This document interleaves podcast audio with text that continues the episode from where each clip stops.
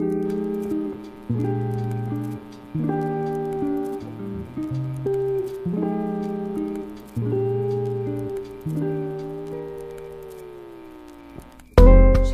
warahmatullahi wabarakatuh. Halo teman-teman, jumpa lagi bersama saya Akbar Absanjani di Adok Podcast. Kali ini kita akan mengobrol tentang film pendek. Abis bikin film pendek, kita mau ngapain gitu. Eh, saat ke Bali eh, di Minikino Film Week, Bali International Short Film Festival, saya berjumpa dengan seorang penulis buku, Clarissa Jacobson, yang judul bukunya adalah I Made Short Film, So What the Fuck Do I Do It? Ya, yang lebih kurang artinya aku buat film pendek, terus habis ini mau ngapain gitu. Nah, kali ini kita kedatangan tamu dari Minikino Film Week uh, ada Raihan dan uh, salah satu pemeran dari film pendek yang menang di Minikino Film Week 8 yang berjudul Right to Nowhere ada Mega Herdianti. Halo, selamat datang di Adok Halo. Podcast. Ya, selamat Halo. datang. Halo. Kalian ke kemari ngapain sih? ya, enggak. Cuma bercanda. Nah, eh Raihan ini adalah em, short film market koordinator di Minikino Film Week 8, juga salah satu youth juri untuk Minikino Film Week 8 yang eh, bulan September kemari saya kunjungi dan eh, Mega adalah eh, pemeran untuk film Right to Nowhere, salah satu film yang memenangi National em, Short Competition Eh, dan ya filmnya tentu saja sangat asik gitu. Teman-teman bisa menontonnya nanti eh, yang akan kita putar di BPNB. Em, nah, eh, kita akan mulai ya. Eh, tadi saya sudah menyebut setelah kita buat film pendek, setelah teman-teman buat film pendek, terus mau ngapain? Karena ya yang yang pertama kita tidak punya bioskop, walaupun punya bioskop di Aceh juga apakah film pendek akan masuk ke bioskop? Nah, eh Minikino Film Week eh, yang diinisiasi oleh Minikino eh, itu fokus di eh, short film ya ataupun film pendek. Film pendek, ya. Nah, bahkan festivalnya juga festival internasional. Jadi ada banyak film pendek dari berbagai negara, dari Hungaria, dari Korea Selatan, dari Bogota, Kolombia, di- dari seluruh dunia itu hadir di Minikino. Nah, kita akan meminta Rehan untuk menjelaskan eh, bagaimana Vini- apa, Minikino Interna- International Short Film Festival ini eh, ya bisa fokus ke film pendek gitu. Silakan Rehan. Oke. Bagaimana kita bisa fokus ke film pendek? Mm-mm. Eh, Oke, pertama itu karena kenapa kita memilih film pendek? Kita percaya film pendek itu punya kekuatan literasinya sendiri Mhm. dan film pendek itu bisa dimaknai sebagai sesuatu yang lebih dari hiburan, sesuatu lebih dari komoditi seperti film panjang, lebih dari entertainment gitu. Karena eh, aku juga percaya kalau film pendek itu sebuah karya audiovisual yang sifatnya demokratis gitu. Sehingga uh, film pendek itu kan bisa dibuat oleh siapa pun dengan HP bagi sekarang teknologi udah semakin maju sehingga uh, orang-orang yang tidak terekspos dengan uh, pusatnya perfilman sep- seperti yang di dai- di daerah bisa bikin film pendek dan bisa menceritakan sendiri budayanya dan lewat film pendek kita juga bisa tahu di daerah mereka itu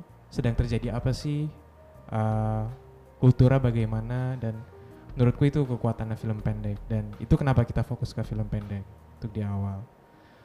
Nah terus uh, kenapa internasional? Karena kita ingin membuka jaringan juga ke internasional. Kita ingin memperkenalkan Indonesia, ingin memperkenalkan film-film pendek Indonesia, budaya Indonesia ke jaringan internasional dan Mhm. kita juga ingin terhubung dengan mereka dan kita ingin juga membawa film-film mereka ke sini. Jadi Mini Kino itu uh, fokusnya ke jaringan dan networking juga sih Hmm. jaringan kerja antar festival dan komunitas Hmm. Eh, nah, em, di di Mini Kino Film Week kan Raihan eh, apa bekerja sebagai em, short film market koordinator. Nah, ada kata marketnya ya. Bisa dijelasin nggak marketnya itu sebenarnya bagaimana? Dan fokus kerjamu itu sebagai short film market koordinator itu di bagian apa? Kalau di di festival film pendek gitu. Kalau di festival Mini Kino Film Week itu jadi ada dua tipe acara yaitu screening sama short film market event. Jadi short film market event itu uh, event yang di luar dari pemutaran film. Jadi forum, workshop, diskusi ataupun kegiatan networking gitu. Nah, uh, short film market itu tujuannya untuk uh, mengembangkan ini sih pertemuan antar filmmaker, antar programmer dan gimana festival itu bisa menjadi tempat berkumpul agar orang-orang itu bisa berkolaborasi dan menghasilkan sesuatu lagi uh, baik itu film atau festival atau mungkin pertukaran program pemutaran lagi gitu. Nah, kita ingin short film market ini menjadi hub untuk uh, pegiat industri film pendek untuk berkumpul dan bisa saling kenalan sih intinya gitu. Nah apa yang aku kerjakan aku mengkoordinasi semua event-eventnya. Untuk short film market short film market itu ada cukup banyak eventnya di Mini Kino Film Week 8 ada pool cinema dia non, kita nonton film pendek di kolam renang. Ada uh, speed date.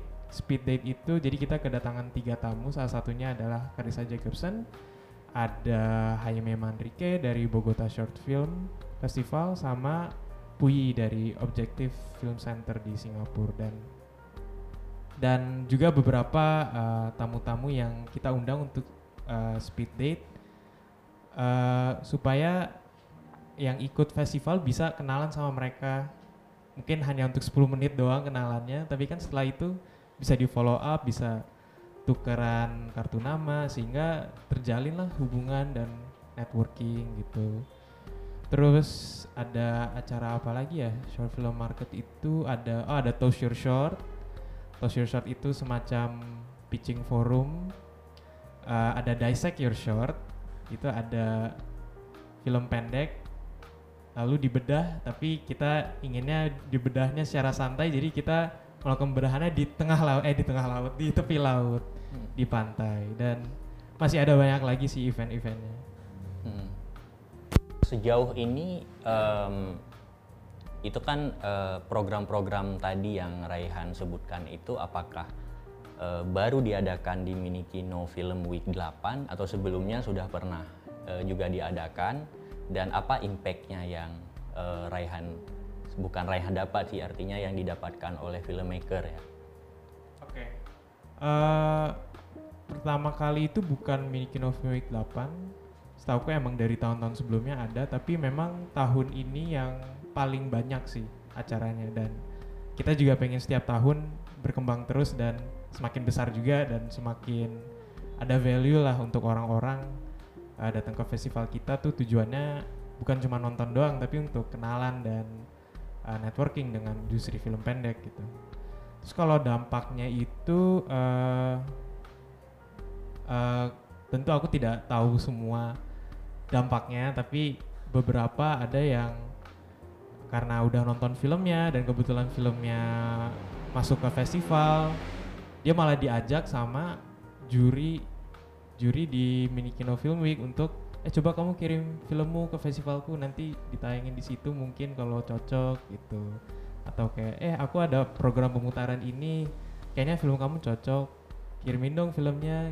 Nah kita ingin nge-encourage pertukaran itu sih supaya festival itu bisa berkelanjutan dan uh, seperti yang tadi aku bilang ada value-nya untuk kenapa orang tahun depan mau datang lagi gitu itu uh, dari program apa yang paling banyak karena tahun lalu juga aku termasuk salah satu programmer yang diundang untuk ke apa Oh, sure shot.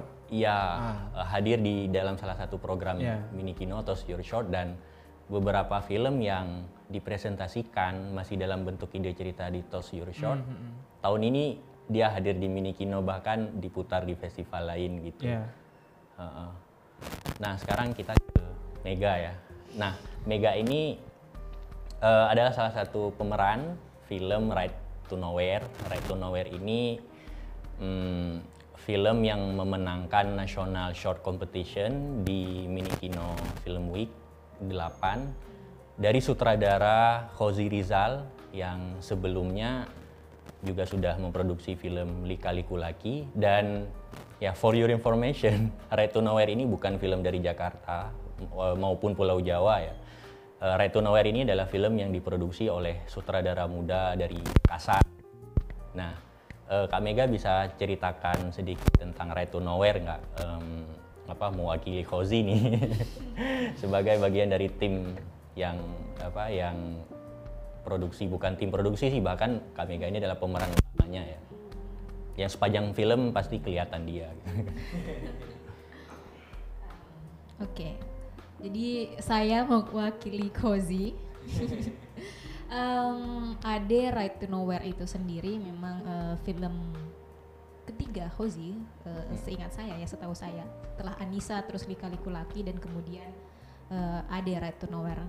Ade Right to Nowhere ini sendiri ya berceritakan tentang seorang ojek perempuan yang struggle dengan pekerjaannya. Eh, dia juga ini baru eh, di PHK dari pabriknya. Eh, ceritanya seperti itu. Terus dia mencari pekerjaan untuk em, ya membayar kosannya. Ya seputaran itu. Tentang bagaimana eh, ojek perempuan itu bekerja di jalanan. Seperti yang kita tahu ya kebanyakan didominasi oleh pekerja laki-laki ya untuk ojek itu. Apalagi kan jalanan ini memang em, banyakan laki-laki yang ojek laki-laki yang mendominasi gitu. Nah em, Adi sendiri ini menceritakan tentang bagaimana para perempuan pekerja yang em, ojek ini banyak sekali mengalami hambatan-hambatan. Entah itu dia karena cancel di cancel atau orderan yang tidak tahu siapa yang mengorder gitu orderan fiktif. Dan ya perkara-perkara jalanan lainnya gitu yang memang sering ditemui oleh em, ojek perempuan. Dan em, sedikit informasi bahwa ojek perempuan itu kalau di Makassar sendiri ya sepanjang saya meriset untuk eh, pemeranannya Ade ada di mana mereka itu buat kelompoknya sendiri itu ada serikan di ojek gitu. Jadi mereka buat sendiri jadi em, orang itu tidak mengorder by eh, aplikasi. Biasanya hanya order by WhatsApp gitu. Jadi waktu itu eh, saya tanya ke para para ojek ini dikasihkan nomor WhatsAppnya mbak kalau mau eh, pesan lagi saya by WhatsApp aja gitu. Nanti di sekitaran tempat tinggal mbak itu nanti akan saya hubungi eh, melalui teman saya gitu. Nah eh, biaya ojeknya sendiri itu mbak bisa lihat dari aplikasinya. Jadi bayar per apli- di sesuai aplikasi gitu tapi ordernya nggak di aplikasi gitu by WhatsApp gitu sih Nah, ini jadi menarik ya. Tadi kan eh, Mega nyebutin bahwa Mega meriset eh, apa ojek-ojek perempuan itu ya. Hmm, itu berapa lama untuk meriset eh, apa sebelum memerankan Right to Nowhere itu? Karena sepertinya jadi jadi sangat effort ya untuk memerankan ini dan ya sebenarnya filmnya juga. Ya, it- itu itu hadir apa kita bisa lihat bagaimana eh, Mega berperan di film Right to Nowhere. Itu bisa diceritain nggak proses merisetnya bagaimana? Apakah memang eh, Mega mendaftar jadi ojol juga? Em, tidak tentunya. Saya tidak mendaftar jadi ojel eh jadi ojeknya. Em, ya tentunya peran riset juga sangat penting gitu Em, sebelumnya saya riset bareng sama teman-teman, ada Hozi, terus ada Astrada, terus ada Hardi juga yang menemani proses di mana kayak kita mendatangi tempat pangkalan ojek gitu, kita tanya-tanya bagaimana pendapat mereka tentang ojek perempuan gitu. Ya banyak cerita yang kita temui di lapangan. Itu ada sekitar tiga kali pertemuan kalau nggak salah itu yang kita meriset secara bersama terus selebihnya saya sendiri yang eh, meriset gitu karena untuk mendalami gimana um, seorang ojek perempuan gitu. Ya tentunya saya sempat juga mencoba untuk order aplikasi berkali-kali. Saya ingin mengetahui apakah eh, sesulit itu menemukan ojek perempuan gitu. Ya memang sesulit itu. Em, berkali-kali saya order hanya satu kali saya dapat eh, ojek perempuan. Nah di situ juga kemudian saya bertanya-tanya sama mereka kenapa sesulit itu saya mendapatkan ojek perempuan. Ya em, proses risetnya sendiri itu ada kurang lebih tidak sampai sebulan karena memang prosesnya sangat cepat gitu untuk eh, kita mulai syuting. Jadi eh, setelah reading terus kemudian em, saya proses riset bersama kawan-kawan terus saya sendiri jadi tidak sampai sebulan gitu untuk mengetahui gimana eh, seorang pekerja perempuan khususnya ojek gitu. Eh, film Red to Nowhere ini apakah film pertama Mega? Maksudku em, Mega memerankan sebagai orang lain ataupun terli, ter apa terlibat dalam seni peran itu apakah di film Red to Nowhere atau sebelumnya udah eh, memerankan film lain maupun eh, di seni peran yang lain? Oh ya, Em, untuk film itu sendiri, Right to Nowhere ini merupakan lead cast pertama saya. Hmm. Ya sebelumnya memang saya pernah terlibat di beberapa film tapi hanya supporting karakter gitu. Nah Ade yang sebagai lead castnya. Em, untuk pemeranan yang lain saya karena anak teater. Jadi oh anak ya, teater. eh, jadi oh anak teater. Iya, saya anak teater jadi eh, sebagai aktor gitu. Jadi ya em, berteater dengan tampil di film itu punya spektrum yang berbeda ya menurut saya. Oh, jadi kayak em, sebagai aktor di teater dengan aktor di film tentu punya apa ya struggle-nya masing-masing gitu. Dan iya em, untuk berperan di Ade itu saya juga jadi banyak komunikasi sama Kozi gitu sama sutradara Em, dia juga yang memberikan banyak insight ke saya awal-awal syuting itu eh, kalau boleh cerita memang boleh eh, boleh. ya boleh cerita ya. Eh, awal-awal syuting itu em, Hozi sempat bilang Meg tune down dikit gitu. Tune down dikit ekspresimu jangan terlalu besar gitu. Gitu itu yang memang kalau ya anak teater kan kebiasaan kayak kita yang ekspresi besar gitu. Karena kan eh, medianya penonton yang ada di situ kan gitu. Kita harus menjangkau penonton yang di paling belakang gitu yang mendapatkan ekspresi kita. Jadi ya gerakannya harus gerakan yang besar gitu.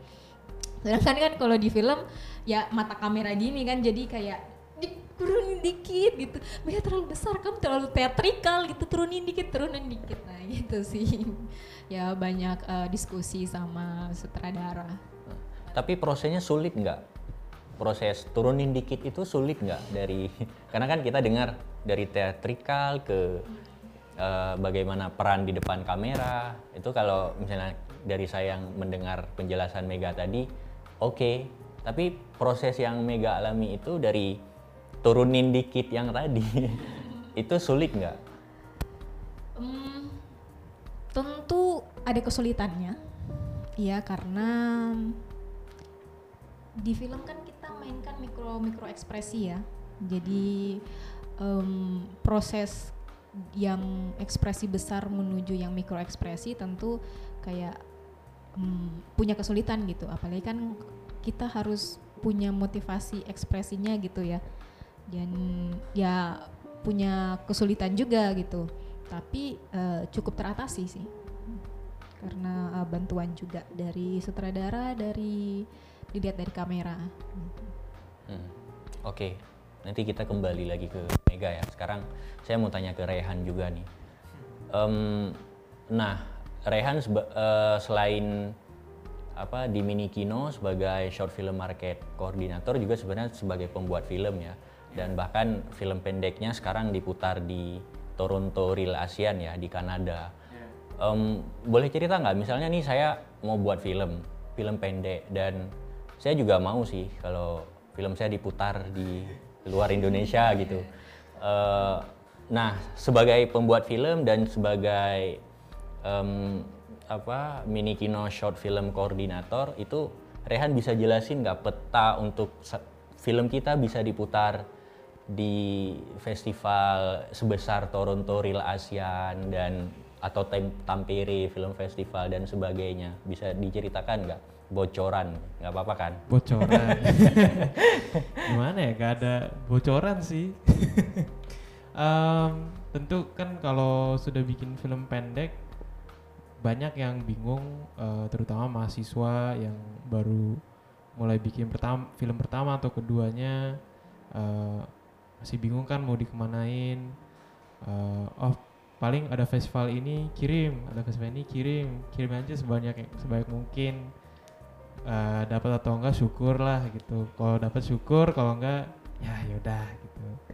Nah tapi eh, setelah aku aku kan juga kuliah film dan sudah beberapa kali bikin film. Jadi setelah aku ke mini kino aku jadi lebih mengetahui sih bahwa oh ada ya sirkuit film pendek gitu. Hmm. Sebelum aku nggak tahu film pendek sirkuitnya apa kayak film pendek emang bisa dikemanain gitu. Aku juga dulu nggak tahu sebelum aku ke Mini Kino. Tapi setelah ke Mini Kino aku belajar banyak sama teman-teman di Mini Kino. Aku jadi eh, tahu sih bahwa oh ada yang namanya short film conference. Jadi itu ada asosiasi lah asosiasi internasional yang isinya festival film pendek yang secara konsisten selalu mengadakan festival dan memberikan impact ke eh, negara festival negara atau daerah festival itu dilakukan gitu. Nah eh, kan juga bingung ya oh, gimana sih cara filmnya bisa internasional gitu. Nah itu pun aku juga belajar dari bukunya Clarissa Jacobson I made a short film now what the fuck do I do with it aku aku juga yang menerjemahkan buku itu ke bahasa Oh, Indonesia aku iya. salah satu penerjemahnya jadi aku baca dulu kan bukunya dan bukunya seru sih. Sebagai untuk sebagai pembuat film bukunya itu entertaining. Hmm. maksudnya nggak cuma educational tapi entertaining juga. Karena dia menulisnya kayak temen yang lagi curhat aja tentang pengalamannya gitu. Terus eh, ya untuk teman-teman yang mungkin pengen coba ke festival internasional bisa eh, ini coba mulai riset tentang festival film pendek di luar tuh bagaimana janganlah langsung mau ke Cannes atau Sundance gitu-gitu itu itu masih terlalu tinggi lah gitu. Maksudnya realistis dulu lah. Coba lihat peta film pendek di Asia Tenggara dulu gimana. Terus mungkin ke Asia, terus mungkin ke negara-negara yang mirip dengan Indonesia. Terus barulah dari secara perlahan mungkin targetkan dulu ke Asia Tenggara dulu atau ke mana nanti baru bisa terhubung lagi ke festival lain gitu. Dan sekarang pun juga lebih mudah untuk eh, expand ya eh, festival yang mau di submit gitu. Ada platform film freeway. Film freeway kan dia eh, sangat user friendly dan ada banyak festival bagus yang bisa dimasukin ke situ. Dan juga ada short film depot. Eh, dia dia lebih kalau short film depot itu semua festival yang ada di situ dia sudah dikurasi oleh short film depot. Jadi sudah pasti itu festival yang beneran ada gitu bukan Hmm. festival bohongan gitu. Bukan fake festival. Bukan fake film festival. Nah eh, salah satu yang kupelajari dari buku Clarissa itu eh, menstrategikan distribusinya gitu menyesuaikan dengan uh, kapan filmnya jadi dan kapan festival itu dibuka. Karena ada beberapa festival tuh ada namanya early bird, eh, early bird, Hmm. early bird submission dan kadang itu gratis untuk early bird dan dibuka cuman dua minggu doang gratis. Nah itu harus tahu tuh tanggal-tanggalnya. Jadi masukin aja kalau gratis kan nothing tulus ya. Kalau bayar baru ada pertimbangan cocok nggak nih kira-kira filmnya gitu. Nah selengkapnya bisa lihat di buku Clarissa. Promosi. Beli bukunya. Beli bukunya. Oke.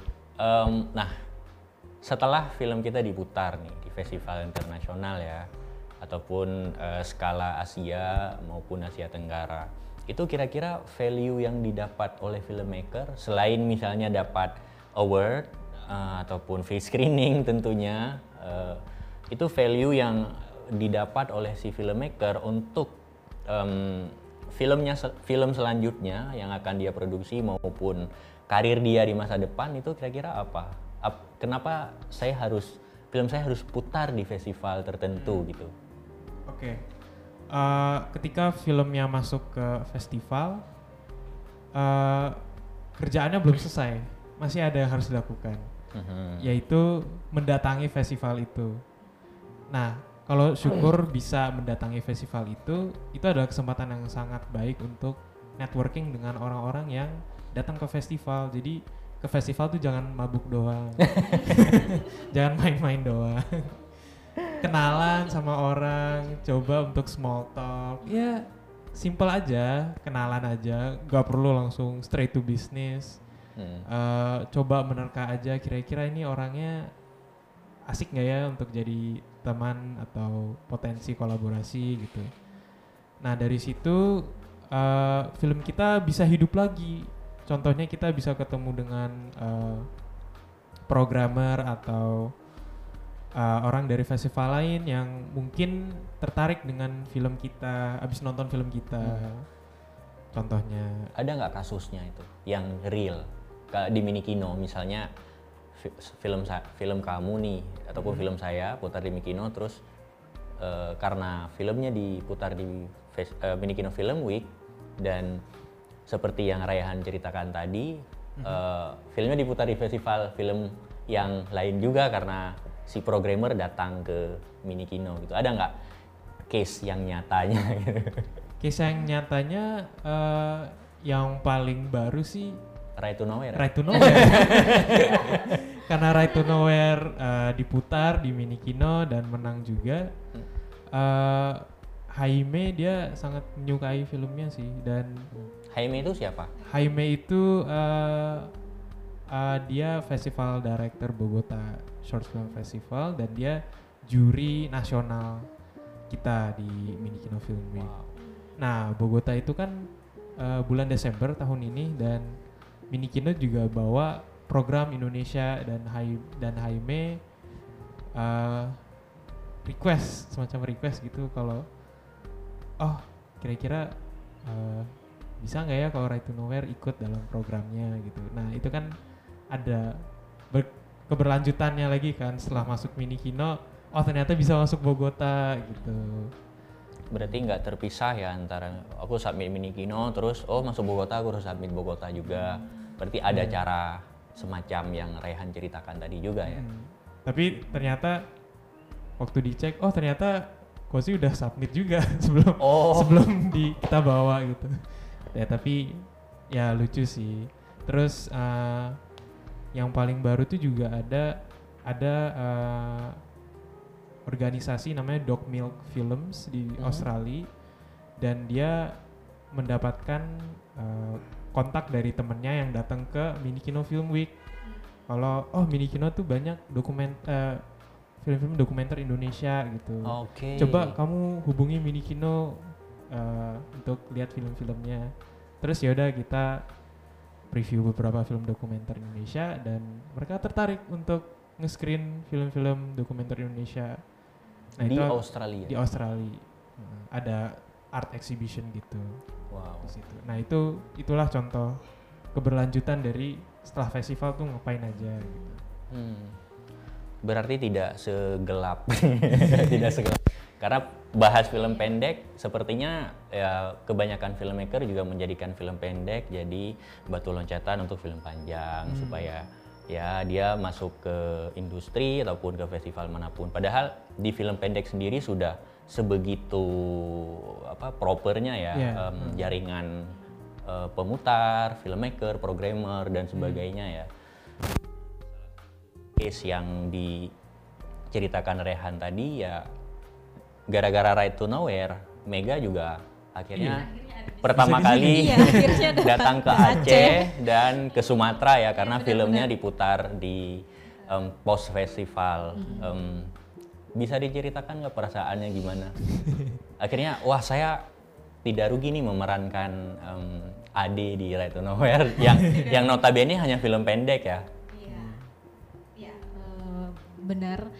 Jadi memang perasaannya tentu ya senang ya. Em, Ade akhirnya eh, bisa eh, diputar di Aceh.